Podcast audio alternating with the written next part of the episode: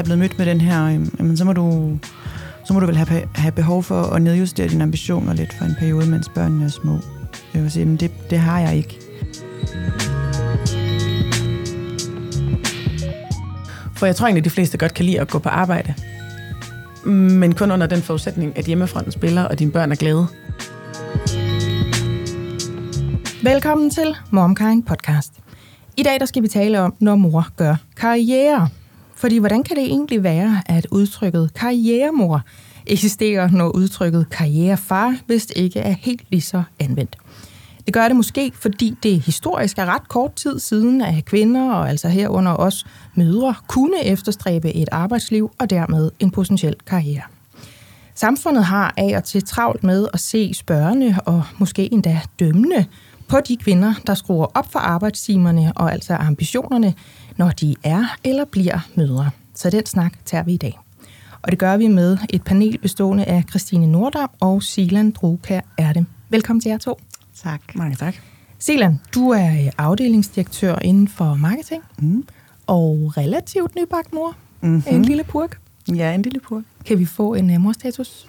Ja, altså jeg har en lille purk Elton derhjemme. Han er et halvt år gammel. Ja. Og han er skøn. Og min morstatus er faktisk, at jeg er over the moon lykkelig i dag. Og det er jeg, fordi at i dag markerer dagen, hvor at min mand han ikke skal gå på krykker mere. For det har han gjort i seks uger. What? Yes. Hvad har han lavet? Jamen, han er blevet opereret. Han har en gammel fodboldskade, som har givet ham kroniske smerter. Så det, det er super fint, at de har taget sig... Altså, han har fået den rette henvisning. De har taget sig af ham. Ja. You do you, honey. Men jeg har nogle gange tænkt, elsker jeg dig virkelig så meget her? Altså sådan oprigtigt. At du kan tage dig selv ud i tre, seks uger? Ja. Ja. Altså sådan, det, det der med, at han skal have tre måltider om dagen, og han er jo også et menneske, og han skal også have samvær med sin søn, men det hele indbefatter mig Ja. som facilitator. Og så der i uge tre, når han så siger, altså, Musse, vi kalder hinanden for Musse derhjemme, Mm-hmm. sådan, sådan, Musse, altså, kaffen er jo kold. Så var jeg sådan, åh, ja, den er kold. Du Ja. drikker den bare nu, fordi jeg skal ned og tørre kylde Ja, op. det Eller er et en iskaffe. Værsgo. Ja, værsgo. Ja. Så, øhm, Men nu må han slippe dem, nu kan han gå. nu må han slippe dem. Ja. Nu må han slippe dem. Og øhm, han begyndte at gå i går eftermiddags. Og jeg er bare altså så lykkelig. Og øhm, det har bare fået mig til at tænke at være enemor. Vanvittigt ja. og sejt. Og at være sygeplejerske. Vanvittigt og sejt. Ja. Og dem derude, der er sygeplejerske og enemor. Sejt, sejt. En mil- ja, sejt, sejt. Ja. Jeg kender det godt. Det er lidt ligesom, åh, jeg kan mærke, jeg er ved at blive... Nej, du er ikke ved at blive syg nu, for vi har børn, så det er du ikke. Det er sjovt, du siger det. Det sagde han i morges. Han var sådan, jeg, jeg har sådan lidt kriller i halsen. Så sagde du stopper. Ja. Du stopper nu, og jeg, jeg, jeg, jeg smutter. Ja. Ses. Ja. Du har lige fået lov i seks uger, you're done. Nu er du helt frisk Ja. og fint. Hej, hej. Ja. ja kender. Christine, du er jo øh, selvstændig rådgiver i forbindelse med køb og salg af virksomheder. Og øh, en morstatus? Ja, vi har øh, tre børn på 8, snart 5 og 3 år. Og øh, morstatus hænger lidt sammen med øh, hushjælpen derhjemme. Vi har lige sagt farvel til vores anden au pair her for en måned tid siden. Så nu er vi ved at finde ud af, hvad, øh, hvad, hvad det egentlig vil sige at have tre børn, og hvor meget kan I, og hvor meget kan I ikke. Men er meget positiv at finde ud af, at de kan jo faktisk rigtig meget. De kan både handle ind selv, eller kan den ældste i hvert fald, og hjælpe til med madlavningen Wow. og gå med ned og ordne vasketøj og alt det der. Så øh, meget positivt. Nu er det mere sådan noget fritidsaktiviteter hver eneste dag, der fylder, og øh, legeaftaler, de gerne vil have hver dag. Ja. Og sådan få det der puslespil til at gå op. Men, øh, men vi sover om natten. Ja. Det er skide hyggeligt. Alle børn kan snakke. Der er ikke nogen, der bruger blæ. Så sådan, praktikken er, øh, er super. Ja. Det er også noget, vi kommer ind på i det her program med de au pairs der, og om der måske skal komme en tredje af en sådan slags, ikke? Det kunne da godt. Ja, det kunne da godt måske, ja. mm, så kan jeg jo tage den. Min morstatus, øh, Ellen på knap 4, trille på et års penge. Og min status er, du hintede det næsten lidt, Christine, at jeg er træt. Ja. Og vi bruger blæ, ikke alle, men, men nogen. og øhm, jeg er træt af at være træt. Øh, og jeg er træt af at være træt og syg, og jeg er træt af at være øh, syg, så jeg bliver mere træt, så jeg ikke kan blive rask fra at være... Altså, den der efterårskabale, der bare foregår fra september til marts, mm. når man har så små børn, der lige skal igennem det der rul af ting, man skal fejle. Varmepander, løbenæser, ja, så har vi den her sygdom på nede på opslagstavlen, alt det der, som alle kender og kan relatere til. Der er vi bare lige nu. Og så er det jo det der med, når man ikke får lov at sove, så restituerer man ikke. Ja. Så kan man trække sygdom i langdrag. Og så lige når man tror, at nu kan jeg da, nu kan jeg da nærmest dufte noget igen. Måske en lorteblæ, hvad ved jeg. Så kommer der bare noget nyt. Altså, så er der bare en ny, der er sådan...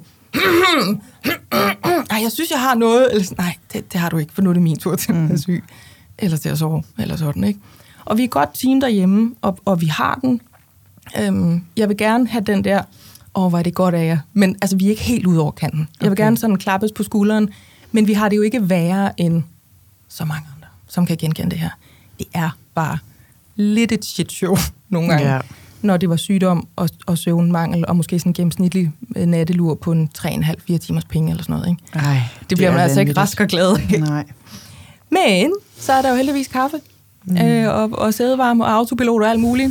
Så her er jeg, og jeg har øh, glædet mig til dagens program, hvor vi jo altså skal øh, tale om jeres arbejdsliv, og i særdeleshed om, øh, hvordan det samme eksisterer med jeres familieliv. Jeg håber, vi skal bryde nogle fordomme og nogle øh, tabuer. Øh, det er jeg sikker på, at vi skal. Og øh, der er mange, der kommer til at lade sig inspirere af jeres, øh, hvad kalder man sådan noget, skarphed ud i det her. For I er vant til at svare for jer. I dag skal I øh, fortælle, mm. og det, øh, det er dejligt, at I vil være med til det. Det her, det er MomKind Podcast. Jeg hedder Majbrit Maria Lundgaard. Denne episode af MomKind Podcast er sponsoreret af Puri. Og jeg har jo tidligere fortalt om, hvordan jeg er blevet glad for deres vitaminer. Men nu har jeg lyst til at dele, at jeg også er blevet glad for deres kollagen. Jeg blander faktisk deres CP1, som er testet ren kollagen, og CP3 Beauty. CP3 indeholder nemlig zink og biotin, der blandt andet bidrager til at vedligeholde normal hud, og jeg oplever faktisk, at jeg både får mindre tør hud og færre revnede fingerspidser, når jeg tager det her. Udover zink og biotin, så indeholder CP3 Beauty også C-vitamin, B6-vitamin og hyaluronsyre. Puris produkter er testet for renhed og kvalitet, herunder uønskede stoffer som tungmetaller, pesticider og lignende, og du kan selv se testresultaterne, hvis du scanner QR-koden på bagsiden af deres produkter. Har du lyst til at prøve deres kollagen eller nogle af deres andre produkter, så kan du bruge koden MOMKIND30, når du tegner abonnement. Så får du 30% rabat på de første tre leveringer, og altså på produkter til 3 måneder. Silan, vi starter over hos dig. Mm-hmm. Fordi da vi talte om, at du skulle være med i det her program, så brugte du et udtryk, du kaldte det my reason why. Ja. Altså min grund til. Ja. Og den synes jeg egentlig er god øh, at tage i hånden, og så gå hen til, til toppen af historien. Hvorfor karriere? Altså fortæl om ambitionen, eller om end goals, eller hvordan det kunne være, at du skulle blive denne her, i gåsøjne, karrieremor. Mm. Hvordan har rejsen været derhen, og hvorfor skulle du derhen? Mm, altså, rejsen har jo været øh, min leveår. Øhm, og det her med at, altså, udover at være kvinde og mor, så er jeg også af mellemøstlig oprindelse. Og øh, det har betydet noget for min opvækst, i forhold til, at det har været vigtigt for mine forældre, at jeg har gået i skole. At skole har været simpelthen så vigtigt. Da første gang, jeg fortalte dem, at jeg havde fået en kæreste, der blev de kede af det, men det var, det var egentlig bare, fordi de var bange for, at det ville gå ud over min skole. Altså, det har betydet rigtig meget. Og det har det også, fordi at vi skal ikke særlig langt tilbage, før at... Øh, at jeg, øh, at min ældste faster for eksempel øh, ikke måtte gå i skole. Mm. Så hun er øh, analfabet i dag. Og det er altså ikke, fordi hun er hule. Altså hun bor lækkert i Schweiz. Det er slet ikke på den måde. Øhm, She's good. She's good. Men hun, hun kan ikke læse og skrive. Mhm. Mm. Fordi at øh, det, det, var, øh, det var de beslutninger, man tog dengang. Og øh, det er jo selvfølgelig en rigtig, rigtig stor del af min reason why. Altså øh, det her med at, at kunne bryde det. Det er også en del af min person. Altså jeg har et, et øh, temperament, der gør, at erhvervslivet matcher mig rigtig godt. Øhm, og jeg vil så sige, efter jeg er blevet mor, øhm, der kan jeg virkelig se, hvordan at det at være mor er en, at blive mor er en katalysator for din egen udvikling. Så jeg kan mærke en styrke og en, en, en nyfunden øh, idérighed, kreativitet og et nyt tem- en ny side af mit temperament, Ja. som jeg rigtig gerne vil bruge. Og derfor så er min reason why også udvidet nu til ikke kun at handle om min opvækst og hvor jeg kommer fra, men faktisk til lige så meget handle om, at, at det at være mor og så på arbejdsmarkedet, det er badass. Og det, at jeg som leder nu har fået lov til at kunne mærke det, altså i virkeligheden har mærket det på egen hånd, det kommer til at give mig nogle helt nye redskaber for, hvordan jeg ledelsesmæssigt vil tage det med videre over for mine øh, medarbejdere. Men det kommer også til at betyde, at jeg tænker meget mere over, hvad jeg er for en repræsentant i direktioner øh, og i bestyrelser. Det er der, jeg gerne vil hen. Øh, det betyder også, at jeg stopper op og tænker, hvordan fanden er jeg blevet repræsenteret? Altså, fordi der er så meget, jeg kan øh, kvæg mit moderskab. Altså den her modstandsdygtighed, fleksibilitet, mm. evne til at være i nuet, øh, omstillingsparathed, mødestærk, ja. kommunikere assertivt, altså hverken underlænt eller overlænt til dit barn. Det bruger du også i ledelsesaspektet i forhold til, hvordan du kommunikerer til dine medarbejdere, hverken altså frygtbaseret eller underlænt. Alt det her, alle de her kompetencer, altså dem i direktionen, som jo desværre ikke er, altså mestendels er repræsenteret af mødre, they don't know. Mm. They don't know. Og det er sådan blevet en ny power for mig, så en ting er ligesom at have den her baggrund af forældre og etnicitet, eller, eller. noget andet er jo også at sige, men altså nu er jeg blevet mor, og den her repræsentation af, hvad hedder det, øhm, af, af flere køn, af minoriteter i al almindelighed, det, det skal blive mere almindeligt. Mm. Så på den måde, så, øhm, så, så, så, så er det ret bredt, det her, øhm, ja. den her reason why efterhånden, ja. når den føles rigtigt. Det er meget fint. My reason why. Det, mm. det kunne næsten være sådan et emaljeskilt eller et quote eller sådan, ikke? Men jeg forstår den helt med. Ja. Christine? Ja, du skal hen til mikrofonen nu. Det skal jeg Du skal ikke sidde og slappe af. Det kender du næsten heller ikke til. Det var ellers virkelig inspirerende. Godt lige ja, jamen det tænker mig tilbage også, man, man ja. tænker derude i headsættene. Nu skal vi spørge dig om det samme. Hvad er øh, ambitionerne? Hvornår gik det op for dig? Jeg vil spille med hammer i en karriere. Jeg vil være mor. Jeg vil have det hele. Det udtryk kan man jo bruge. Hvad er ambitionerne, og hvorfor, øh, hvorfor den der galopperende karriere? Jamen, altså ambitioner, når vi snakker om ambitioner, så er det tit at sige, jeg vil gerne opnå den her stilling, eller jeg vil gerne have den her status. Og det har jeg lagt fuldstændig på hylden, faktisk. Nu er jeg nødt til, at øh, jeg skal bare have et sjovt arbejdsliv. Og det skal give mig energi, også til når jeg kommer hjem og møder min familie. Øhm, jeg skal have frihed, så jeg kan sætte alle mine crazy idéer i gang, og så er der ikke nogen, der skal bestemme, hvad det er, jeg skal lave på mit arbejde. Det er sådan blevet, øh, det er blevet målet for min karriere, at kunne få den her popcorn-hjerne til bare at, at flyve. Ja. Øhm, og hvor kommer det så fra? Sådan har nok ikke altid, jo det ved jeg, altså, jeg har altid været øh, meget aktiv i sådan noget elevråd og aktivitetsudvalg, og har fem fritidsjob på én gang, og øh, altså virkelig sådan kunne tabe ind og ud af alle mulige fællesskaber og idéer, og øh, har altid haft masser af veninder. Det har nok bare, det har taget med mig, det med at kunne balancere virkelig, virkelig mange ting ja. på én gang. Så da jeg har studeret, jeg har en øh, bachelor og kandidat fra CBS, læste finansiering og regnskab, meget nørdet, men der arbejdede jeg ved siden af, øh, og havde sådan en 30 timers stilling, og så været vant til virkelig at, øh, at balancere ting, og fik min første barn, da jeg var 22, så jeg har heller ikke noget at holde pause i det. Altså det er ikke, fordi jeg er blevet færdig med at studere, arbejdet et par år, lige sådan haft det lidt maligt, haft lidt fritid. Det har jeg egentlig ikke rigtig, øh, det er ikke rigtig noget. Mm. Så jeg har bare kørt videre i det der høje gear, til så for mit første barn, ja, kom ud, var færdig med at studere. Og så var det jo enten, enten gik jeg på arbejde, eller så var jeg sammen med, med børnene. Og der har jeg jo arbejdet i store corporates, hvor vejen ligesom var lagt for mig, og sige, nu er du på det her entry level, og nu skal du knokle i halvandet to år, så kan du blive forfremmet til det næste. Øhm, så der handlede det om, så der handlede det om at, karriere. at klatre den der corporate stige der. Ja, ja, præcis. Og ligesom, der var nogen, der definerede for mig, nu skal du herhen i din karriere. Det her er det næste. Ja. Og jeg følte mig som sådan en, øh, plejer at sige, den her klovn i en æske. Altså, så fik jeg en ny idé, og så sprang jeg ud af æsken, og så blev den pænt lukket i igen. Og det var nok også det, der gjorde, at jeg valgte at bryde ud af corporate for to og et halvt år siden. Og gå og, selvstændig. Ja, blive selvstændig, ja. Ja. Hvilket også er... Øh, jeg tror, jeg tænkte, at jeg skulle have masser af fritid. Masser af frihed og sådan noget, når jeg blev selvstændig. Og det er jo ikke nødvendigvis det, man får. Nej. Så i stedet for, at du har en chef, der bestemmer, så har du bare nogle kunder, der bestemmer. Og i starten finder man ud af, at man skal lave det hele selv. Øhm, men det har egentlig passet mig fint, for så kunne den her popcorn få lov til at ja, poppe med alle mulige idéer, og også nogle gange sige, åh, jeg kan ikke eksekvere på alle de idéer, jeg har sat i gang, for det er også mig selv, der skal levere på dem. Ja. Ja, der er pros and cons på et ansættelsesforhold, som du er jo i, Silan, mm. og så på at være selvstændig øh, og skue alt, som, som man skal, øh, når det ligesom er ens eget navn, der står på brevpapiret. Ikke? Ja. Ja. Du snakkede os næsten derhen, Christine, fordi jeg kunne tænke mig, at vi bare øh, truttede helt ren øh, rumpe og, og fortalte, hvordan ser denne arbejdsuge så ud, øh, for at få et indblik i, hvor meget arbejder vi? Hvor meget er vi hjemme? Hvor meget er vi sammen med børnene? Fordi tit og ofte, og det er et punkt, vi skal til, så bliver man jo netop mødt med, åh, oh, de stakkels børn. Det er jo børnene, det fint, hvis du gerne vil have en karriere. Det er der vist ikke så mange tilbage i dette land, der har noget imod, at kvinder som sådan gør karriere og har oh. en arbejdsdrift. Det, der er nogen, men det er mere og mere almindeligt, øh, hvad skal man sige, forstået ja. og accepteret, at, at vi kan arbejde på lige fod, øh, foder med fødder for filen med øh, mænd. Men det er jo så disse børn, som det er synd for, fordi nogen må det jo være synd for, ikke?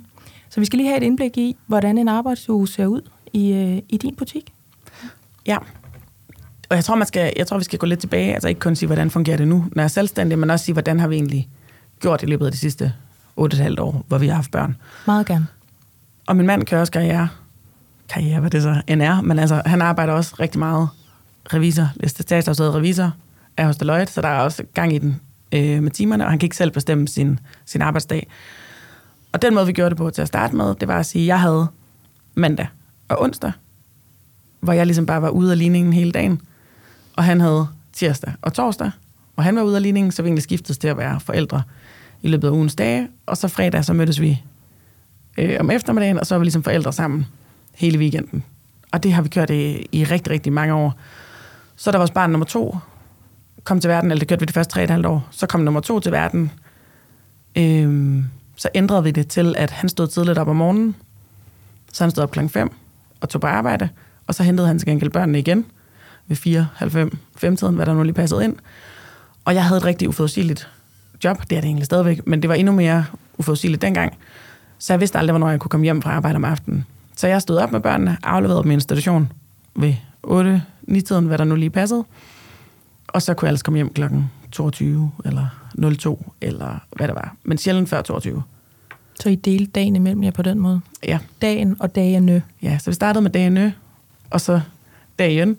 Og det er egentlig den model, vi stadigvæk kører efter. Ja. Så kan det godt være, at den ikke hedder 22 længere, at jeg så kommer hjem måske klokken 18 eller 19, og nogle gange sidder der hjemme og arbejder, så er det svært ikke at, ikke at være på, når børnene kommer ind. Øhm, men det er stadigvæk den samme model, vi kører efter, for at få tingene til at spille. Og for at der er forudsigelighed for børnene. Så de ved, det er altid mor, der bringer. Det er altid far, der henter. Hvornår er I så sammen med jeres børn? Hvornår har I den der kvalitetstid? Det har vi så i weekenden. Ja. Og det er jo også derfor, vi har haft hushjælp. Øhm, både så, jamen jeg vil sige, vi har, altså vi har kvalitetstid rigtig meget. For eksempel, når min mand han henter, så tager han det stille og roligt på vej hjem med børnene. Så har der været nogle pærer, der har lavet mad, så den bare stod klar. Så tiden fra man henter, til man skal nå hjem og spise, det er ikke noget med at handle ind og stress med aftensmaden, og hvem gør hvad. Det er egentlig bare super hyggeligt. Ja.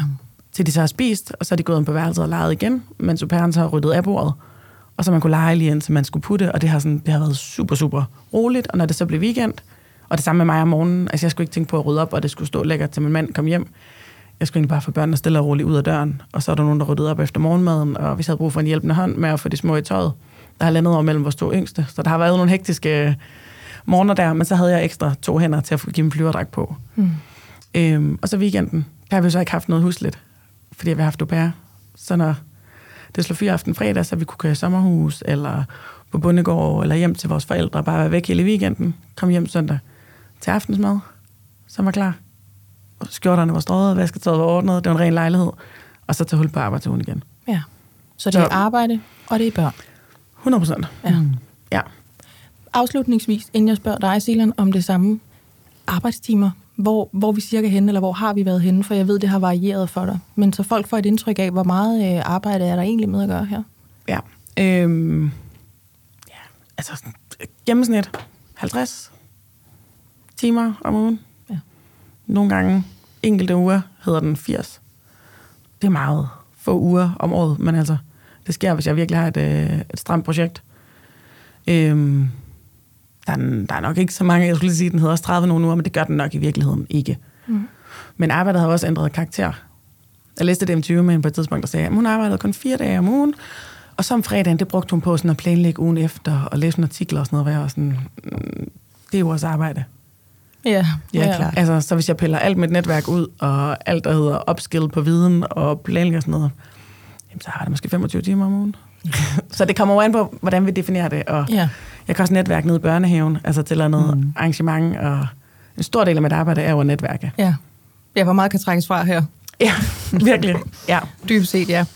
Jeg siger lige sådan en lille, en lille disclaimer. Hvis nu der skulle sidde nogen og tænke, jeg bliver sur over det med au pair, eller jeg kan huske nu, øh, når I taler om det, at det har der været noget debat om på et tidspunkt. Forholdene for dem skal, skal ikke. Hvem gør det? Er det rigtigt?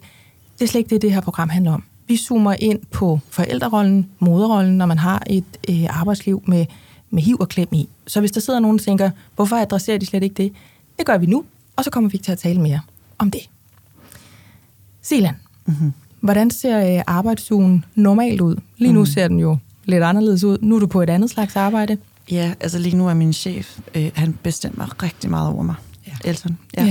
En meget lille sød chef. ja, meget sådan micromanager, faktisk, Ja. ja. synes jeg. Ja. Mm. Men øhm, ellers, så normalt, så ser den sådan ud, at jeg går på arbejde. Øh, jeg møder klokken 8. Min travle periode møder jeg klokken 7. Og så tager jeg hjem med klokken 5, eller måske 6, eller i travle periode klokken 7. Øh, så det, altså, jeg når aldrig rigtig over øh, 50-55 timer, øh, og jeg kan også godt tage øh, 32 timer, 35 timer om ugen nogle gange, for at balancere det. Så den balance har været rigtig, rigtig vigtig for mig. Øhm, det jeg så godt ved, det er, at øh, det kan ikke bare lade sig gøre, øh, hverken for mig eller for alle øh, partout. Og øh, det, er en, øh, det er faktisk en meget svær kamp øh, hele tiden at tage mod sit arbejdsliv. Nu siger jeg arbejdsliv og ikke arbejdsgiver, fordi det er strukturelt. Hvornår må jeg gå? Hvor længe skal jeg blive? Har jeg gjort det godt nok? Jeg kunne også godt lige løse den her opgave. De stopper jo ikke, de der opgaver med at eksistere. Øh, og der ligger hele tiden den næste nye og den næste nye, især inden for erhvervslivet, hvor man jo gerne vil være meget progressiv, man vil gerne udvikle og vækste hele tiden. Ikke? Man bliver ikke færdig. Man bliver sgu aldrig færdig. Mm. Øhm, så derfor så, øhm, så kan man sige, at den her barsel, og min nye arbejdsgiver har jo givet mig noget nyt at tænke over i forhold til, hvor meget jeg egentlig arbejder. Ikke? Øhm, først og fremmest det her med, at jeg jo selvfølgelig gerne vil være sammen med mit barn også, øhm, og med min mand. Øhm, og vi har haft en masse forventningsafstemningssnakke. Men øh, lige så meget, hvad det er for nogle krav, jeg synes, vi, jeg og, øh, og, og dem, der vil joine mig, skal stille øh, arbejdsgiver. Altså, jeg har øh, været leder i, en, i nogle år efterhånden, og øh, jeg har set de her møder øh, altså være ekstremt effektive, knokle derud af og bare levere, levere, levere, og bare været en år. Altså, det er lige, altså, lige ind til benet, ikke? Ja. Men det er også en klassiker, det der med, hvis du vil have shit done, så Ja. hyr en småbarnsforælder, fordi Ja. det er bare... Ja, Man oplever et effektivitetsniveau, ja. der er helt insane, ikke? Det er helt insane. Ja. Og derfor så kan jeg ikke lade være med at tænke, hvorfor er det så, at vi ikke går ind og hjælper den? Altså ikke fordi de nødvendigvis har brug for hjælp, men hvorfor er det, at øh, jeg... Altså hvor, hvorfor har jeg så været så begrænset som leder? Og du må sige til, hvis jeg kan hjælpe dig med noget. Og det var sådan, nej, nej, det er fint nok, jeg skal nok klare den. Så er jeg sådan, jamen kan jeg gøre det her? Nej, det kan du ikke. Øh, og det er jo så både fordi, at øh, vi jo generelt har, altså, måske har svært ved at tage imod hjælp øh, på en arbejdsplads. Vi har måske også svært ved at finde ud af, hvad det er, der er en hjælp på arbejdspladsen. Altså det er de her ting, vi ikke har et sprog for. Så det optager mig rigtig meget. Øhm, Udover at det også bare optager mig generelt, apropos det der reason why, altså hvordan at vi ligesom bliver mere innovative i vores måde at gå til arbejdslivet på. Mm. Altså, der, er- jeg, kender, jeg kender ikke nogen virksomhed, der ikke bryster sig af at være øh, innovativ og idérig, og øh, du ved, vi er fremadsynede, og vi vil bare rykke os hele tiden og blive bedre og bedre, men, men når man så skal tilbage fra barsel, så er det enten eller. Enten så øh, drosler du ned for ambitionerne, eller så skruer du op for dem, og så øh, er det jo også lidt øh, en samtale, man kan have, ligesom vi har her. Ikke? Hvorfor kan vi ikke hvorfor, hvorfor kan vi ikke være mere fleksible? Hvorfor, hvorfor, kan vi ikke, øh, hvorfor kan vi ikke være mere bæredygtige? Du sagde til mig, da vi talte sammen tidligere, at du arbejdede egentlig ikke så mange timer, som man måske kunne tro, mm-hmm. fordi du til gengæld, du var også lidt inde på det nu her, var hamrende effektiv, når mm. du var der. Altså når du arbejdede, så var du virkelig i gang. Mm. Det er jo også noget, der er mere og mere fremherskende, det der med, man kan sådan set godt have et arbejdsliv eller en karriere, hvordan man nu ser på det.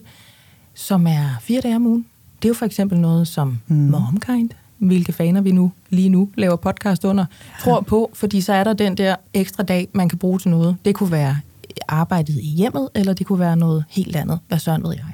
Men det der med, at forståelsen af, at man skal arbejde klokketimer på bestemte tidspunkter eller på bestemte måder, den er vi langsomt ved at rykke ved, fordi familielivet stiller større og større krav i højere og højere grad til erhvervslivet. Mm. I skal passe til os, og vi skal passe til jer. Det er kun den ene vej.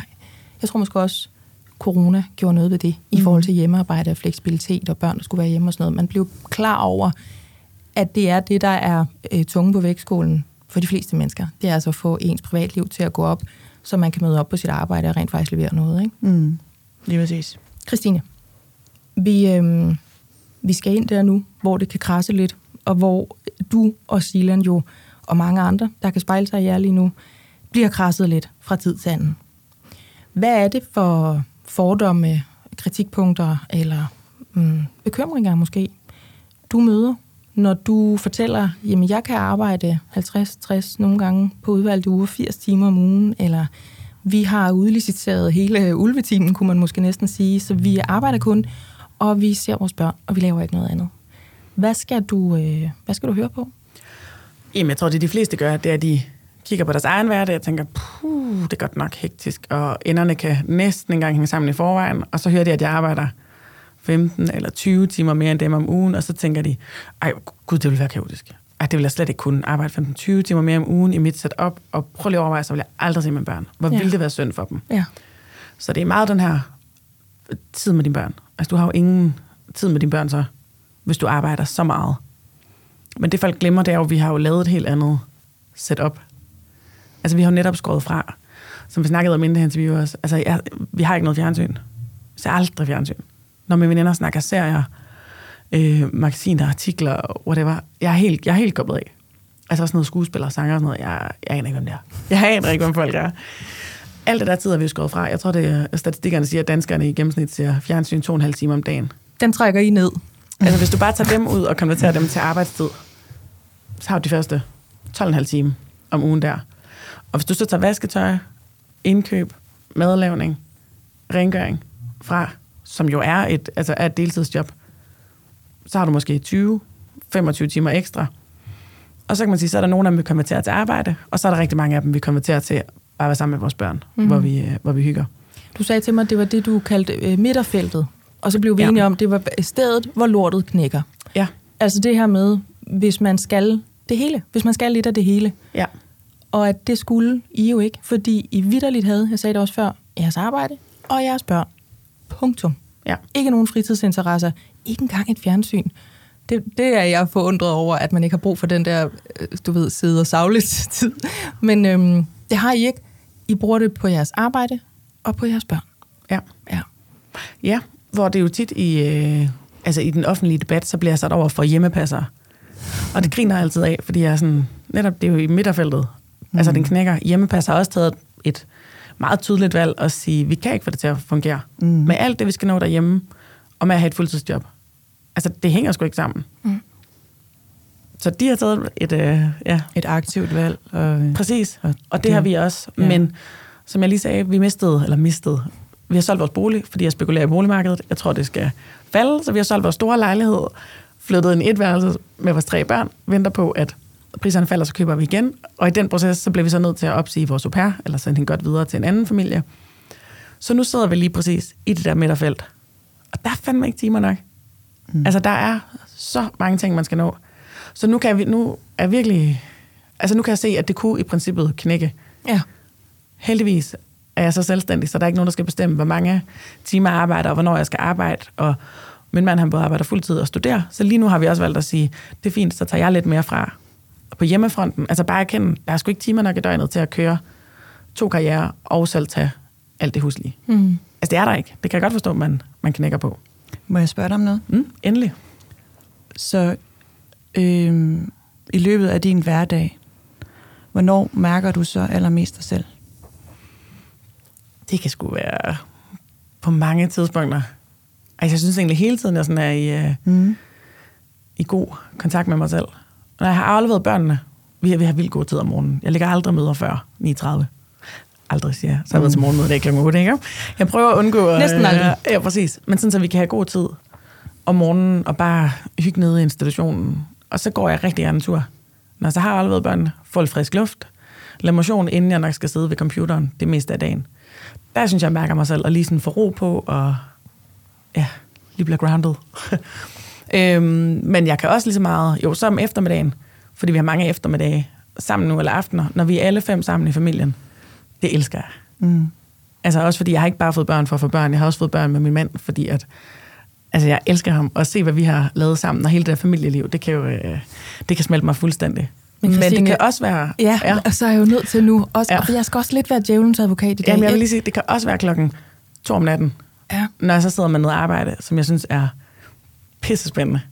Altså, der kan jeg også sidde og blive helt opslugt af det, og mærke mig selv, og bare tænke, fuck, hvor er det fedt, jeg får lov til at sidde her. Så lige meget ja. sidrende, jeg kan mærke mig selv næve på klokken to arbejdsopgaven, der løser sig, eller på øhm, kvalitetsfamilietid. Ja, Ja. Der er jo måske nogen, øhm, det kunne være et kommentarspor, eller det kunne være nogen, der bare tænkte inde i deres eget kontor med headset mm. på lige nu. Hvorfor tre børn, hvis arbejdslivet er så vigtigt for dig, og du lægger så mange timer der? hvorfor ikke fire børn, eller fem børn? Altså, jeg tror, det er to steder, hvor jeg henter energi. Jeg henter energi i min familie. Ja. Jeg henter energi i mit arbejde. Altså, det er jo en kæmpe fornøjelse. Hvorfor? Jamen, nogle gange så er jeg sådan, hvor, hvorfor, det er der spørgsmål, altså. Mm. Men det er jo også, nu ved altså, jeg... Men, men jeg tror nemlig, så vil jeg nemlig mm. gerne svare, fordi de fleste forbinder jo netop det der, som du også selv siger med, jeg elsker at være sammen med dem. Prøv at se, mm. hvem vi har skabt, og vi har skabt dem sammen. Det forbinder de fleste jo med, så derfor må vi have mere tid med disse dejlige mennesker. Men du ser det slet ikke sådan. Du har også sagt noget omkring, at hvis man ikke øhm, beskriver det, man ikke har som et afsavn, men man opkvalificerer det, man har i jeres tilfælde, for eksempel weekenderne eller øhm, de rolige morgener, så oplever børnene det heller ikke på den måde. For det er jo også noget, som nogen kunne finde på, og du ved, armere sig med, og så øh, spørge dig kritisk om, ja. Ja. Jamen, tror du ikke, dine børn savner dig? Eller hvordan kan det måtte være at blive øh, hentet allersidst hele tiden? Eller sådan, hvordan sætter du dig i den der? Ja, jeg skælder virkelig mellem altså kvantitet og kvalitet, og jeg vil langt hellere have kvalitet. Vi kunne også hente vores børn klokken to eller tre hver dag, men så vil det også betyde, og der er jo også noget, der hedder penge i det her, altså det er jo heller ikke billigt at have en au pair, men så vil vi måske skulle give slip på noget af hushjælpen, så har vi bare valgt at sige, at vi vil hellere arbejde det mere, og så have råd til hushjælp, og de, i stedet for at hente klokken to eller tre, så, og så selv skulle stå for at handle ind og lave mad. I mit hoved, så er det ikke nødvendigvis kvalitetstid med børnene at de er derhjemme og leger, mens jeg så fikser alle mulige andre ting. Altså, jeg vil rigtig gerne lege med mine børn, og jeg vil rigtig gerne have samtaler med dem, og høre, om de har haft en god dag, og lære, hvad forskellen er på Spider-Man og Batman, og prøve, altså sådan, alt det der, det er kvalitetstid Ja. for mig. Så det er ikke... Så det er ikke timerne. Nej, det er det, der sker i, ja. Ja, i timerne. For jeg kan også have rigtig mange timer med dem, men hvor mange af dem bare er sure. Mm. Altså, fordi vi går hinanden på næverne, eller vi skal nå tusind ting. Nu kan jeg se det. Nu sidder jeg det der midter fucking segment igen, altså, Ja. hvor vi skal nå det hele. Ja, så du kan sagtens forstå den der, du ved, nogen kan kigge med imponade på sådan en som dig, nogen kan kigge og tænke, nej, det var synd for de børn, eller hvad der nu er, ja. Fordomme eller forestillinger, men det er fordi, they don't know. Mm-hmm. Jamen, og jeg kan også en gang imellem tænke, nu her, når jeg er midt af segmentet, og tænke, ej, det var sgu bedre med au pair. Altså, have lidt ondt af dem, fordi så henter man dem, og så bliver jeg nødt til at gå ned og sætte den der vask over. Mm. Eller, så var vores yngste, der ved at smide blæen, så han tisset, og så skal vi skulle lige ned i vaskekælderen. For nu bor vi også i netværelse, vi har kun et sæt sengetøj med til hver. Så hvis der er nogen, der tisser i sengen, så skal den ned og sættes over, inden vi skal i børnehaven. Og det er sgu da ikke fed tid med mine børn, at gå ned i vaskekælderen. Jeg lader langt hellere gå ud, og så rutsche tre gange på legepladsen, inden vi... Altså, inden jeg afleverer. Mm. Så jeg, jeg er virkelig... Åh, Ja, du fuck, skilt fuck den der kvantitet. Altså, jeg skal ja. have kvalitet Yes. med dem. Og det er jo også det, vores børn gerne vil have. Silan, du har taget luft ind fem gange, og ja, jeg har stoppet dig alle fem gange. Men, men du må nu. Hvad er det, du gerne vil sige? you, thank you, thank Ja, kom. Øhm, jeg vil bare sige, øh, jamen jeg fik bare alle mulige forskellige tanker. Og den første tanke er jo selvfølgelig, at den, den løsning, jeg har valgt, den, det, er, det, er jo, det er jo også en mulig løsning for dem, der, øh, der, der vil gå den vej, og for dem, der kan det. Og øh, den tænker jeg, når jeg hører den, gør, at du meget nemmere kan tabe ind i nærværet. Mm. Og det nærvær, det tror jeg, det, det tror jeg er enig i, det, det kan vi ikke sætte valuta på på samme måde.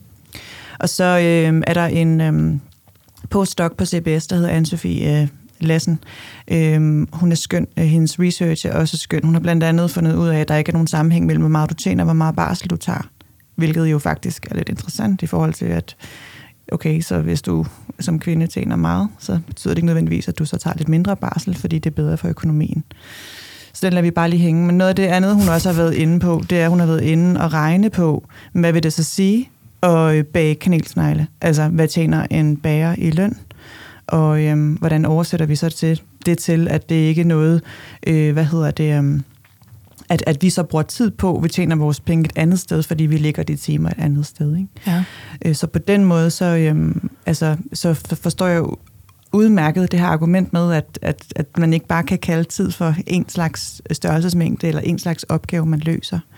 Øhm, men det jeg så nogle gange tænker, det er, at det at bage kanelsnegle derhjemme, det, mens børnene er i stuen ved siden af, det giver jo så også noget. Så på den måde er det bare ikke så sort og hvidt. Hvorfor, altså, det er egentlig bare det, det noget? til. Altså hvis de er i stuen ved siden af, har det sådan, det giver mm. noget, de gange jeg bærer kanelsnegle. Ja. Med mine børn, og jeg har god tid, fordi de kan være med, mm. og jeg kan være ligeglad med, hvordan der er ramons, eller hvad der er inde i, det hedder. Mm. Altså fordi så er det processen i at bage. Men hvis jeg bærer kanelsnegle, det sidder og ser fjernsyn inde ved siden af, fordi at jeg ikke har tid til at underholde dem, fordi jeg skal lave noget hjemmebag, fordi vi får gæster. Altså, så er jeg sådan, så fuck de der kanelsnegle. Mm-hmm. Men det er faktisk også rigtigt. Lad os tage på legeplads og gå forbi bageren på vej hjem, og så var det kanon. Jamen, det er også det billede, ja. jeg sidder med i hovedet. Der var, der var den forælder, der så, der var noget... For sådan er det jo for nogen. Jeg elsker for eksempel at bage med min den store pige. Mm. Det, det er noget værre griseri, og det er ikke særlig godt bagværk. Men der ligger noget kvalitetstid for mig der, fordi så sidder hun oppe på bordet, og så ja. klasker hun fød. Altså, på den, sådan ser det ud hjemme hos os. Og så var der dem, der lige købte tre af dem i en brun papirspose på vej hjem, og så satte sig ned på gulvet og spise kanelsnegl og lave noget andet, eller du sagde noget med Spider-Man eller Batman eller sådan noget, så er jeg med på, undskyld mig, det var kvad det der med min morstatus og øh, sæsonen, ikke? Jeg er med på, at det kan se ud på mange forskellige måder. Noget, som jeg tror, vi også kunne snakke os hen i nu, det synes jeg i hvert fald, vi skal, det var en pointe, du havde, Silan, mm. omkring det der med forventningsafstemning. Ja. Fordi øhm, I har begge partnere, der også arbejder øhm, måske ikke så meget som jer, i hvert fald for dit vedkommende, Silan, men for dit vedkommende, Christine, der er der også tryk på hans karriere. Du sagde, Silan, hjemme hos os, der har vi lige nu øh, valgt, lige nu er det selvfølgelig en barselsperiode, men sådan ellers overordnet, det er mig, der lige har pedalerne i bund. Mm. Min mand har også et godt arbejde, han skal også climbe på et tidspunkt, han har også ambitioner, men lige nu er det mig. Og den samtale, den har noget at sige for resten af vores liv. Prøv du lige at, at øh, botanisere lidt i den. Jo, det skal jeg gøre. Jeg har ikke øh, grønne fingre, men... Øhm, mm. Nej. Det var sådan rigtigt. Og over til vejret. Hvad har I snakket om? Jamen, vi har snakket om... Altså, vi har jo i virkeligheden har vi taget... Altså, der, der, der dukker flere og flere facts op omkring, hvordan det egentlig forholder sig hjemme derhjemme i forhold til de huslige pligter. Øhm, altså, i virkeligheden, øh, så øh, der er også et øh, studie fra... Det er så et amerikansk studie godt nok, men en, der hedder Marianne Bertrand, som har fundet ud af, at jo mere kvinder arbejder, jo flere huslige pligter løfter de også i hjemmet. Altså, det i sig selv er sådan det er rimelig scary shit. Ja. Øhm, og, øh, og det er sådan noget, jeg tager med hjem i parforholdet, eller min mand gør. Altså på den måde prøver vi at være ekstremt bevidste omkring, hvad det er for nogle øhm, faldgrupper, der i virkeligheden er. Fordi der er også øh, mange, øh, hvad hedder det, faldgrupper i Danmark, øh, når vi taler ligestilling. Fordi at på nogle punkter, der tænker vi, at vi er langt frem, men på andre er vi overhovedet ikke. Og så er det selvfølgelig ikke for at skære alle over en kamp her. Der kan, der kan være forskelle. Men i hvert fald, så øh, er jeg også en praktisk gris. Jeg elsker at tage opvasken, for eksempel. Men det betyder ikke, at jeg skal tage, tage alt muligt andet, fordi jeg lige er den hurtigste til det ene og det andet. Så det at bringe det hjem til min partner har været vigtigt. Øhm, og han opsøger det også. Altså, hvordan han interesserer sig også for, hvordan vores familieliv skal hænge sammen. Så for ham har det der med at, øhm, og, øh, at gå, gå ind og måske øhm, tage en mere feministisk hat på og sige, jamen, musse. jeg synes, at det skal være, altså at din stemme skal blive hørt, fordi jeg synes, du repræsenterer en masse fedt. Jeg kan, jeg kan mærke, du brænder for dit arbejde lige nu. Jeg kan mærke, der er gang i den. Og, øhm, og jeg vil egentlig gerne drosse lidt ned for en periode. Øhm, og det, det har jeg også talt med ham om, det har jeg fået lov til at sige. Mm-hmm. Øhm, og det, øhm, det betyder enormt meget. Altså, øh, han, er, han er ikke den bedste til at gå ud med skraldet stadig. Altså, så det er jo selvfølgelig noget med hele tiden at snakke om det, men det der med at bringe det hjem i virkeligheden. I stedet for, at vi taler sammen om, hvordan vi møder skal gøre karriere, eller hvordan vi skal gøre det ene og det andet, så, så tag den med vores partner. Ja. Det tror jeg er det. Dem, altså, der skal få det til at hænge sammen Ja, rundt det er om. meget enig i det. Ja. Ja. ja. Altså, tag den hjem. Hvad gør I? Og så, øhm, og så bygge videre derfra, og, og del jeres passion med hinanden. Det, det giver os et stærkere parforhold, og det, for det kan jo også være crap nogle gange, og det er også okay. Mm. Øhm, så det, det er helt sikkert øhm, ja, noget, der betyder noget for, øh, for mig i hvert fald, og den måde, jeg agerer i, den her, i det her nye familieliv på. Det betyder rigtig meget for mig, jeg har en partner, der støtter mig. Ja. Øhm, og altså, jeg vil bare sige, at han er lige så vred over, at der i altså de danske bestyrelser, der består de af 19, en, øh, hvad hedder det, 19 procent kvinder. Og hvis du så tager familiemedlemmer fra, så er øhm, det 6 procent kvinder, øh, der repræsenterer de danske bestyrelser. Ja. Altså det er uhyggeligt lavt, det tal. Og det er sådan nogle ting, jeg, jeg deler med ham, han deler med mig, og hvor jeg tænker, det, det, det er simpelthen ikke i orden.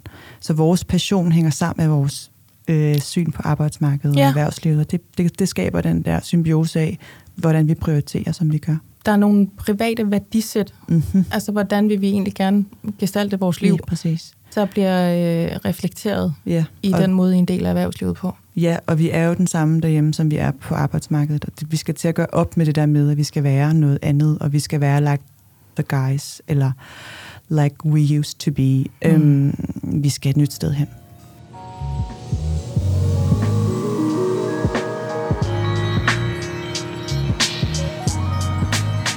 Christine, jeg åbnede jo på at sige øh, karrieremor. Det er jo sådan et, et term. Karrierefar, det siger man ikke helt lige så meget. Hvad handler det om? Det siger man aldrig. Men det er jo fordi, det er jo dem. Det er jo mændene, der er vant til at arbejde. Mm. Øhm, og i hvert fald i min branche, altså køb og salg af virksomheder og konsulentbranchen generelt. Altså mange af dem, der er partner, så har de en hjemmegående kone, og nu siger jeg kone eller partner eller et eller andet. Men altså, det har jo typisk været sådan, så manden kunne tjene så mange penge, så det gav nærmest ikke nogen mening, at, at konen arbejdede. Øhm, eller så har der været nødt til at være den anden part, som holdt Ja, ja, sammen det på, på det. det arbejde, der skulle udføres i hjemmet. Ikke? ja, Ja. så sådan har det jo bare været. Altså manden har jo bare været, været arbejdshesten. Tager du de snakke, hvis folk de øh, går dig på klingen med, hvorfor du og I prioriterer, som I gør? Hvorfor du arbejder så meget? Eller du har tre børn, hvorfor er du på den øh, computer? Eller hvorfor er du ikke hjemme om aftenen? Eller sådan. Kan du finde på at sige sådan noget med, jamen, du kunne da aldrig finde på at stille en mand de samme spørgsmål? Mm. Ja. Det kan jeg sagtens finde ud af. Eller det kan jeg sagtens, men dem tager jeg tit. Men jeg tror egentlig endnu mere, at jeg gør kødet på min mand. Mm. og udfordre ham. Altså fordi hvis der skal være mere plads til kvinderne på arbejdsmarkedet, så er der også nogle mænd, der bliver nødt til at, at give plads til det. Øhm, og så tror jeg, jamen jeg snakker meget med mand om, at han skal bruge sin... Han har, bare, han har en anden stemme, end kvinder har. Og når man så er en mand som ham, så får nogle indsigter, blandt andet hjemmefra, så skal han også bruge den der stemme aktivt. Så til at lave, altså til for eksempel at sige, jeg har tre børn derhjemme, så det der med, at I ligger alle møderne fra 16 til 19, altså så skal han da, i stedet for bare at ride med på eller koordinere med mig, så skal han da også nogle gange gå forrest. Fordi der er nogen derhjemme, der ikke bare kan prioritere, og så sige, selvom det ikke er et problem for ham, men så sige, skulle vi ikke prøve at lægge, hvis vi gerne vil have deltaget til de her møder, skulle vi så ikke prøve at lægge dem i arbejdstiden? Mm. For hele tiden at tænke sådan inklusion, og hvordan kunne andre folk være, være med på den her? Og det tror jeg jo er... Altså det kommer over af vores snakker derhjemme, og det kommer sige, hvis vi også skal have flere karrierekvinder eller karriereforældre, og det bliver mere og mere... Der er jo flere og flere, der har altså dual career, hvad hedder det? Altså hvor der er to mennesker, der går på arbejde, og to mennesker, der gerne vil køre en karriere. Ja. Og det skal vi jo indrette vores samfund og vores arbejdsliv helt anderledes efter. ja. Så jeg tror, der er masser af... Ja, jeg giver ham masser af indspark, men jeg tror, det er, øh, det er også mellem mændene, hvis den skal præge til at lave et mere inkluderende arbejdsmarked for kvinder. Ja. Der er en eller Der er anden nogle- nogle... kønnet rest der. Mm. Altså en forestilling omkring, hvad, hvad er en mor, og hvad er måske en god mor, eller mm. en normal mor, som har en eller anden drift eller nogle følelser, der gør, at hun må da nødvendigvis prioritere sådan og sådan, eller hvad sådan ved jeg. Og vi to, vi talte lidt om det, Silan, at du oplevede egentlig at blive mødt sådan, mm, på en måde, der måske i første færd egentlig var venlig ment i dit arbejde, men som du langt havde faktisk blev en lille smule irriteret over, mm-hmm. at der blev ligesom forventet, at der var nogle ting, du jo ikke kunne nu, eller ikke ville nu, eller nu må du jo have ændret dig, eller sådan. Prøv at fortæl lidt om de der sådan lidt nye møder nu, efter du også har fået øhm, øh, kort til morklubben. Ja, det har jeg fået det kort. Øhm, glad for det kort. Og det har også betydet, at, øhm, og det er sådan nær fjern, det er meget bredt, jeg er blevet mødt med den her, øhm, jamen, så må du så må du vel have, have behov for at nedjustere dine ambitioner lidt for en periode, mens børnene er små. Jeg vil sige, men det, det har jeg ikke. Og det er jo fordi, jeg heller ikke ser effektiviteten øh, være lige med antal timer. Øh, I ved, hvad jeg mener. Mm. Øhm, men det, altså, øhm, de fordomme, dem kan jeg sagtens tale omkring og sige, men det, sådan hænger det ikke lige sammen hos os, og hjemme hos os, og sådan og sådan. Det kan jeg altid forklare. Og det gør jeg også gerne. Altså, det, øhm, det, det, det sker jo tit, at man bliver mødt med fordomme. Ikke? Øhm, og det må man bryde hen ad vejen, så man møder folk, og, og de bryder også mine fordomme. Så vi har jo alle sammen fordomme, hvis vi bilder os andet ind, så, så bilder vi os det ind. Ja. Øhm, men det, det, der er, sådan, er, er mest interessant, og det er jo, at øh, når jeg møder topchefer gennem mit arbejde, så kan jeg mærke, at lige pludselig så har vi et andet sprog. Ej, men de børn og da, da, da, da, og netterne er øh, hellige, der må man sige, hvad man vil, det gælder ikke, eller hvad, hvad der nu kan komme af sådan nogle øh, øh, små small talk emner øh, i en Som du ellers nu meget professionel setting, som jeg nu kan relatere Ja, til. ja. Og det er egentlig sådan meget hyggeligt og, og fint, og alt, alt relationelt tror jeg øh, godt, det virker, øh, og det er godt for mennesket. Men det jeg kan mærke, det er jo, at der er nogle, der er nogle stigmatiseringer fra de normative forhold, de er i. Så, så, så, som, som de spejler over på mig. At det, ikke, det er ikke fordi, jeg kan sige, det, det gør du, og det, det har du gjort to streger under. Jeg kan bare mærke det. Altså, Mhm. jeg kan mærke, at der, øhm, der, sidder nogle, der sidder jo nogle gatekeepers derude, der, der, der, der sidder på en magt. Nu kalder jeg det bare for, hvad det er. De sidder på pengene. Og, øh, og, og, og de har også øh, en masse forskellige bias. Så, øh, så, så de bias, dem tænker jeg meget over i forhold til, hvordan jeg kan få dem til at flytte tankegangen fra, hvem de skal ansætte til at være deres aftager, eller til at øh, være med i direktionen, eller med i gruppen, eller hvordan de skal sammensætte grupper osv. Alt det her. Og, øhm, og derfor så prøver jeg sådan meget at bryde min hjerne med, hvad, hvad er det egentlig, de, de spejler, når de ser mig, eller hvordan er det egentlig, de, de går til en, til en given opgave, ikke? Øhm, og der, der er de der fordomme af, hvad er det egentlig, vi tager med hjem, hjemmefra? Dem, dem, har jeg, dem har jeg tænkt meget på. Altså, hvordan er det, du ser mig, når vi snakker om de her ting? Og øh, kan vi tage den samtale? Øhm, og det kan være svært, fordi vi jo ikke... Altså, jeg er i hvert fald konfliktsky. Det, det er der jo rigtig mange, der er. Mm. Eller ikke sky, men det er jeg ikke. Men jeg lever ikke højt på konflikter. Nej. I don't like them. Altså, nogen jagter dem jo, og nogen vil jo næsten hellere slå knude på sig selv, end de vil have et, et, øh, ja, hårdt Ja. ord med på vejen. og ikke? mange er midt imellem, ikke? så det kan også være svært at træde ind og tage den snak med en topchef. Men øhm, det er i hvert fald sådan også en slags fordom. Jeg prøvede, da jeg havde fået mit første barn, øhm, og min mand og jeg, vi delte barslen øh, imellem os, fordi det kunne hænge sammen, og det kunne vi tænke os. Jeg så står en af de første par dage der i tekøkkenet og trykker på den der øh, store øh, monster-kaffemaskine for gang nummer 8, fordi yay, varm kaffe og samtaler, hele samtaler med andre mennesker, så kom der øh, en af mine allersødeste, allermest velmenende kolleger ud til mig, og så sagde hun, gud nej, hvor er barnet? Og så kunne jeg sådan mærke, Ja. ja, du sidder og ryster på hovedet, Ja, jeg jeg kunne mærke Ja. den der sådan, hmm, du mener det godt. Du er af en tid og af hmm, nogle personlige præferencer, der gør, at det er sådan, din omsorg kommer til udtryk. Men hun er sammen med sin far, som er en lige så god forælder. Altså, jeg skulle mm. hele den der igennem, fordi jeg ikke havde lyst til øhm, at begynde at, sådan at, at bjeffe af hende. Men til trods for, at jeg jo ikke sådan betegner mig selv som en karrierekvinde eller en karrieremor, jeg, jeg er selvstændig, det følger der er nogle små kruseduller med, men jeg har ikke øhm, masser af arbejdstimer. På den måde er jeg lige nu en super dårlig socialdemokrat, for eksempel. Men jeg havde alligevel nogle arbejdstider, eller nogle valg i forhold til, hvornår er jeg ikke hjemme i forhold til mine børns alder, der gjorde, at jeg fik nogle spørgsmål, som var meget sådan hmm, stemningsfulde, Ja. som min mand aldrig har fået. Ja, og det tror jeg, nu tror jeg, vi fik formuleret mig lidt dårligt før. Men det, jeg tror, vi kan bruge vores stemme til som kvinder, altså det er så at presse vores mænd eller partnere. Altså man kan jo alt muligt. Så for eksempel barsel. Altså hvis vi skal have et barn mere, det ved jeg ikke lige, om vi skal, men hvis vi skal det, så vil jeg kræve, at min mand han tager 50% barsel. Og det kan være, at jeg havde lyst til at tage mere, men hvis vi nogensinde skal den der ligestilling på arbejdsmarkedet, så skal han fandme mande sig op og tage noget mere barsel, fordi han baner vejen for alle andre, og han giver plads. Altså han udligner ligesom forskel mellem mænd og kvinder. Bare i sådan noget ansættelsesprocesser lige nu. Så har man stadigvæk noget, der siger, uh, skal jeg ansætte en kvinde, og hun er lige i deres start 30'erne, hun tager sikkert en lang barsel. Oh, yes. Ja. Versus skal jeg ansætte en mand, og det skulle bare, hvad er det, syv uger, 10 uger, eller sådan noget, han tager. Og nu er der så masser af arbejdspladser, der er begyndt at introducere lige meget barsel. Men så skal mændene fandme også tage det, hvis vi skal udleve. Altså det er helt fra start af, når man bliver ansat.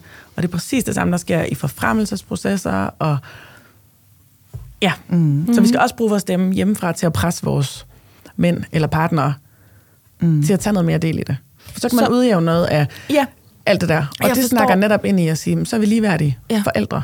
jeg forstår, hvad du siger, og også når du bruger det her udtryk med, med ligeværdige, og øhm, hvis vi vil mm, gøre karriere på, på lige fod, eller lige som, eller på samme vilkår, eller hvordan man skal sige, for næsten at komme igennem det der minefelt af køn og ligestilling mm. og arbejdsvilkår. Der er jo også de røster, som jeg fornemmer er tiltagende, der siger, jamen vi kan ikke arbejde lige som, eller vi kan ikke lave den der fitti-fitti, for vi har ikke fitti-fitti muligheder. Der er nogen af os, der skal bære en graviditet, der skal føde, der skal være i fjerde postpartum, der skal amme. Der er andre ting, der biologisk giver kvinder nogle andre muligheder, eller nogle andre i erhvervsøj med ulemper, hvis man kan sige det lidt kægt på den måde. Det skulle vi hellere tage og sidestille med den ordinære erhvervsbetingede arbejdsindsats, mænd kan levere. Hvad tænker du om, om sådan en bevægelse der, Christine? Held og lykke. Altså, vi lever i en, uh, sorry, men vi lever i en kapitalistisk verden, og den måde, du får værdi på i de fleste virksomheder, det er ved at tjene nogle penge. Altså, og det bliver kvinder også nødt til at, at mande sig op på, hvis vi skal have lige meget værdi. Men det, det er det, er argument, jeg så tit hører i alt det der. Mm, men det er også når jeg siger, at kvinden skal ikke have... Ja. Ja. Altså, hvis jeg for eksempel siger, at jeg har taget fem måneders barsel den ene gang. Hvad med amning? Du skal amme, indtil det bliver et år. Det andet, det er nærmest sundhedsskadeligt. Altså sådan noget, der, der er sådan... Jeg kan amme de der fem, seks måneder, og så må vi køre noget flaske derfra. Altså, det er der ikke nogen børn, der er døde af. Mm. Ja, så kunne det være, der var en lille sundhedsmæssig gevinst. Men det er der ved så mange ting. Det er der også ved mindre skærm og lidt mere fisk. Og, jamen, altså, jeg kan, ja. hvis vi skal pakke det hele ind i sådan nogle små forskelle, hvad der kunne være en lille bitte smule bedre. Altså, op i helikopteren. Ja. Kig nu på, hvordan vi ændrer det og gør hele arbejdsmarkedet mere ligestillet. Det er jo faktisk en af dine pointer, Silan. Mm-hmm. Du sagde til mig, lige nu der er der ret lav arbejdsløshed. Øhm, vi har en nærmest historisk mulighed for at stille de her krav, mm-hmm. ændre noget strukturelt. Vi er jo også midt i en periode lige nu, hvor øhm, vi har en regering, der godt kunne tænke os, at vi skulle arbejde mere. Jeg tror måske lige jer to var ikke dem, den besked var henvendt til. Det var mere sådan en som mig, der har fundet ud af, lige i den her periode af vores liv, der skal jeg ikke arbejde fuldtid, fordi så knækker min familie, fordi vi er i midterfeltet derhjemme. Ikke? Men hvad er det egentlig, vi så kan gøre? Både for at komme det der til livs med, jeg ved godt, jeg giver dig en opgave nu, Silan, mm-hmm. men hvad var det, du kunne tænke dig? Jeg ved, du er ret optaget af det der med repræsentation, hvordan forener vi work-life balance? Du fortæller også det her med, at du selv er blevet en bedre leder, efter du er blevet mor.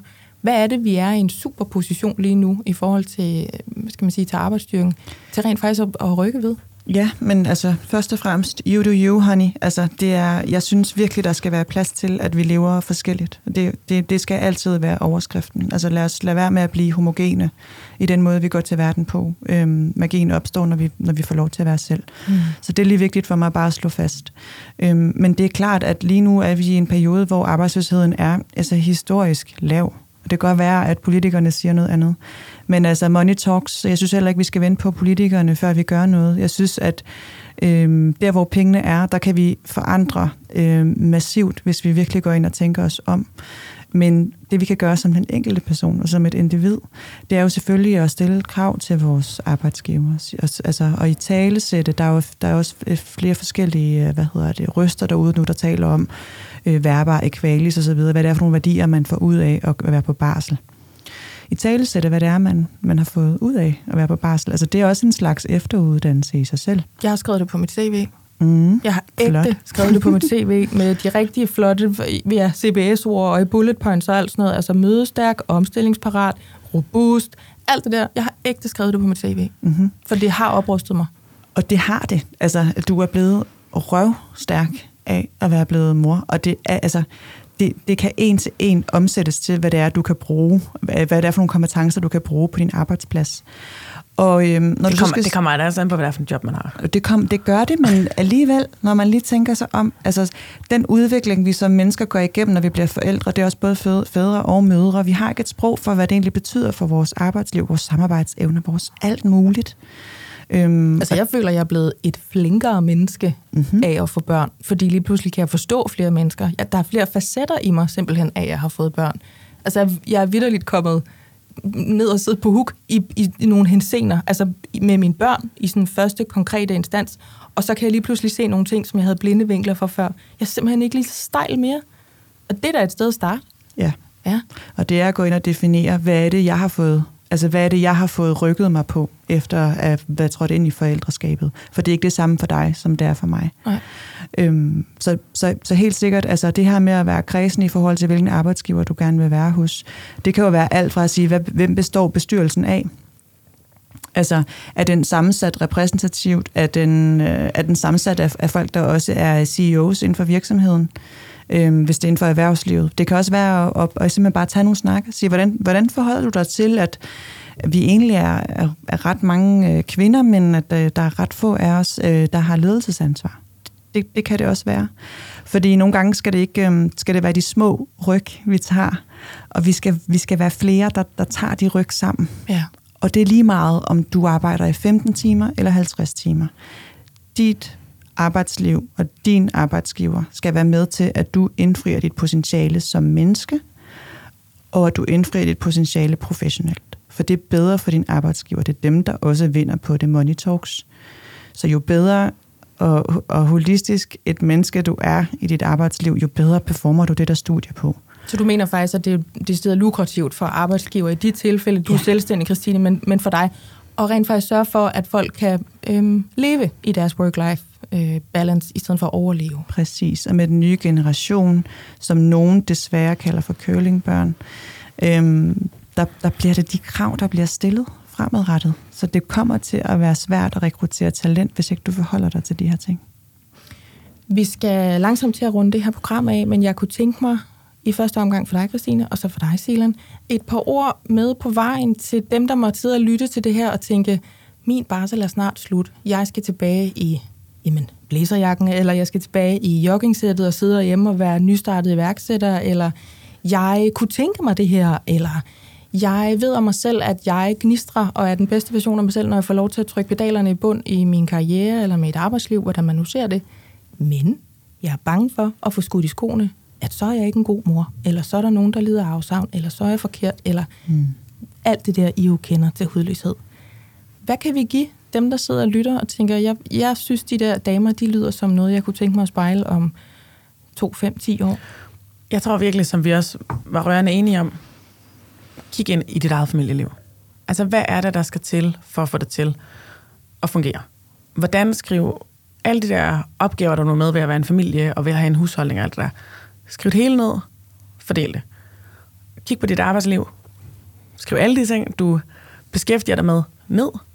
Og så sige, okay, hvis jeg skal præstere både på det ene og det andet sted, så skal de her opgaver outsources derhjemme. De her opgaver skal outsources på arbejdspladsen. Og så gå til din arbejdsgiver og sige, jeg vil gerne tilbage, jeg vil gerne levere. Som I siger, historisk lav arbejdsløshed, så vi har virkelig en styrke, i stedet for at bruge den på at sige, så kan vi selv tage ansvar og bestemme over vores liv, derfor vælger vi at gå hjemme. Så brug den nu til at sige, jeg møder min arbejdsplads med de her forventninger. Men jeg tror tit, det er, fordi vi ikke, vi ikke snakket nok med os selv om, hvad er det egentlig, vi forventer af et, af et arbejde, og hvad er det for en opgave, vi gerne vil have, og hvad er det for en opgave, vi godt kan stille krav til at sige, jeg skal sgu have en assistent, der tager de her opgaver for mig, eller jeg gider ikke længere være den, der tager alle kopperne ud på kontoret, og alle folk efterlader dem bare. Altså sådan, mm. Der er også masser af ting, man bare kan lade være med. Så lad være med at tage de her fucking kopper. Lad være med at putte ting i opvaskemaskinen ude i køkkenet. Lad være med altid at være den, der skriver noter, eller køber friske blomster, eller lad være hvad det er. Kage. Lad være med at bage den kage. Mm. Alle de her ting. Bare nogle mm. gange, altså sådan, jeg har tit bare kopieret. Men og så sagt, okay, hvis de ikke gør det, så gør det sgu heller ikke. Ja. Og der er ikke nogen, der kommer og siger til mig, hvorfor, øh, hvorfor gør du ikke de mm. der ting? Og så skal man jo gøre det samme på hjemmefronten. Jeg tror også nogle gange, at kvinder er gode til at fikse, og det er jo skønt, fordi det er der for hjulene til at køre, ikke? Men vi er også alt for gode til bare lige at fikse ting. Og jeg kan jo sagtens genkende det. det. Det er hurtigere, hvis jeg selv lige løser det her, end at jeg skal huske på det, indtil min mand kommer hjem, og så skal jeg sige til ham, at du ikke lige sød og tør bordet af, fordi det er jo sgu ikke klaret, så gør jeg det da bare selv. Ja. Men når alle de der ting, de håber sig op, altså, så ender, det jo, så ender min mand jo med aldrig at vide, at han skulle have taget det der bord bedre af. Ligesom der er masser på arbejdspladsen, der aldrig ender med at vide, at du løser den der opgave, fordi du har løst den, inden der er nogen, der har nået at anerkende, at det overhovedet er en opgave, du løser. Ja. Så det, det tror jeg virkelig er kernen i det. Så kig ind i dig selv. Hvad er det for et liv, du egentlig gerne vil have? Og så stille nogle krav op til dit privatliv og dit arbejdsliv, og så være tydelig omkring det. Der er, altså, der er ikke, som jeg plejer at sige, det er ikke en fucking gættekonkurrence, det her. Der er ikke nogen, der kan gætte, hvad det er for nogle behov, du har, eller forventninger, der du har til at gå på arbejde. Sig det. Og jeg pointerer bare lige, hvis nogen skulle have fået den helt galt i ørerne, når du siger det der med, nu parafraser jeg, brug nu det momentum til at gå på det arbejde og kræve ændringer eller noget, der passer ind i jeres families øh, dynamikker, i stedet for at gå hjemme, er jo sagt under de forudsætninger, at man ønsker at klatre den der corporate stige. Altså at man gerne vil på arbejde. For det er jo så fint med dem, der gerne vil gå hjemme. Det gør jeg jo selv halvt lige nu. Mm. Ja, så jeg har men- sådan lidt et ja. ben i begge lejre, ikke? Men tit så er det jo også, fordi man ikke kan få det til at fungere, at man så tager konsekvensen af det. Ja, Hvor jeg siger, rigtigt. inden vi tager den konsekvens, kan vi så ikke lige prøve at få det til at fungere. Altså, jeg tror ikke, vi har givet det nok chance, fordi vi ikke har været tydelige nok i vores forventninger. Ja. For jeg tror egentlig, de fleste godt kan lide at gå på arbejde. Men kun under den forudsætning, at hjemmefronten spiller, og dine børn er glade. Ja. Men lige så snart dine børn ikke er glade, eller din hjemmefront ikke spiller, så kan jeg da også have dage, hvor jeg tænker sådan, ej, jeg bander meget lige nu. Fuck det her arbejde. Der bliver tit sagt fuck i den her Ja, podcast. nå, det, det er tror godt. jeg, lytterne har vendt sig ja, ja. til. Men det er, jo virkelig, det er jo virkelig en forudsætning, at din familie trives. Når jeg Ja. siger, at vi henter vores børn altså sidst hver dag, det er jo kun fordi, de trives med det. Hvis de ikke trives med det, så kunne vi aldrig finde på bare at lade dem blive der og hente dem. Så find ud af, hvad er det for nogle ting, der egentlig er allervigtigst i dit liv. Det sagde du Og også til hvordan mig, da vi til talte sammen inden det her program. Så sagde du øh, to-tre gange, kig på dine børn. Ja, Altså det er man jo også stadigvæk i stand til, selvom man arbejder meget. Så kan det være, at man kigger på sine børn færre klokketimer end så mange andre. Men hvis man kan se, at de har det godt, så er der formentlig øhm, mening med det, man gør. ja. Ja. Selan, du skal også have lov til at sende en besked eller et råd eller Ja. en opmundring videre til øh, den samme forælder, der sidder og lytter lige nu, og har de samme drømme og ambitioner, og har den samme måske knude i maven eller overvejelse, eller er det rigtigt af mig, eller er det det, jeg skal nu? Mm, helt klart. Øhm, jeg har skrevet tre punkter. Ja. Så det første, jeg tænker, øhm, udover det her med familielivet og afstemningen derhjemme, den er så vigtig. Det tror jeg også på. Så er det også at gå ind og, og kigge på, øhm, altså Lise Vesterlund og nogle af hendes kompagnoner, de har lavet et uh, studie, der hedder Nej-klubben. Det har været meget omdiskuteret, fordi at de har skældnet mellem ikke forfremmende og forfremmende opgaver. Ja. Og det, der er blevet misforstået, tror jeg, i den brede debat, det er, at man har snakket om, at ikke forfremmende opgaver er dårlige opgaver at løfte. Det er det ikke, men ikke forfremmende opgaver er opgaver, der er gode for organisationen, bare ikke for din karriere. Mm. Det kan fx være oplæring af en medarbejder. De har sådan et meget øh, bredt eksempel, der handler om, at bartenderen skal øh, tjene sine penge på mestendels drikkepengene. Men hvis bartenderen bliver sat til at oplære en ny bartender, så kan han eller hun ikke tjene de samme drikkepenge. Så du giver jo en til en afkald på noget ved at gøre noget godt for den natklub, eller Ja. ja. hvad det nu er. Ikke? Ja. Øhm, og derfor så, så synes jeg, der, det er der, man kan gå ind sådan i forhold til sin arbejdsgiver og sige, hvad er det egentlig, du forventer af mig? Hvor, hvor, altså, hvad kan jeg gøre her for at øh, få den her forfremmelse? Eller måske det er ikke forfremmelse, man higer efter, det er også okay. Måske det er bare at sige, for at min arbejdsdag ikke bliver længere end unødig. Mm. Altså i virkeligheden, for at du, siger, for at du synes, at jeg har fuldendt mit job.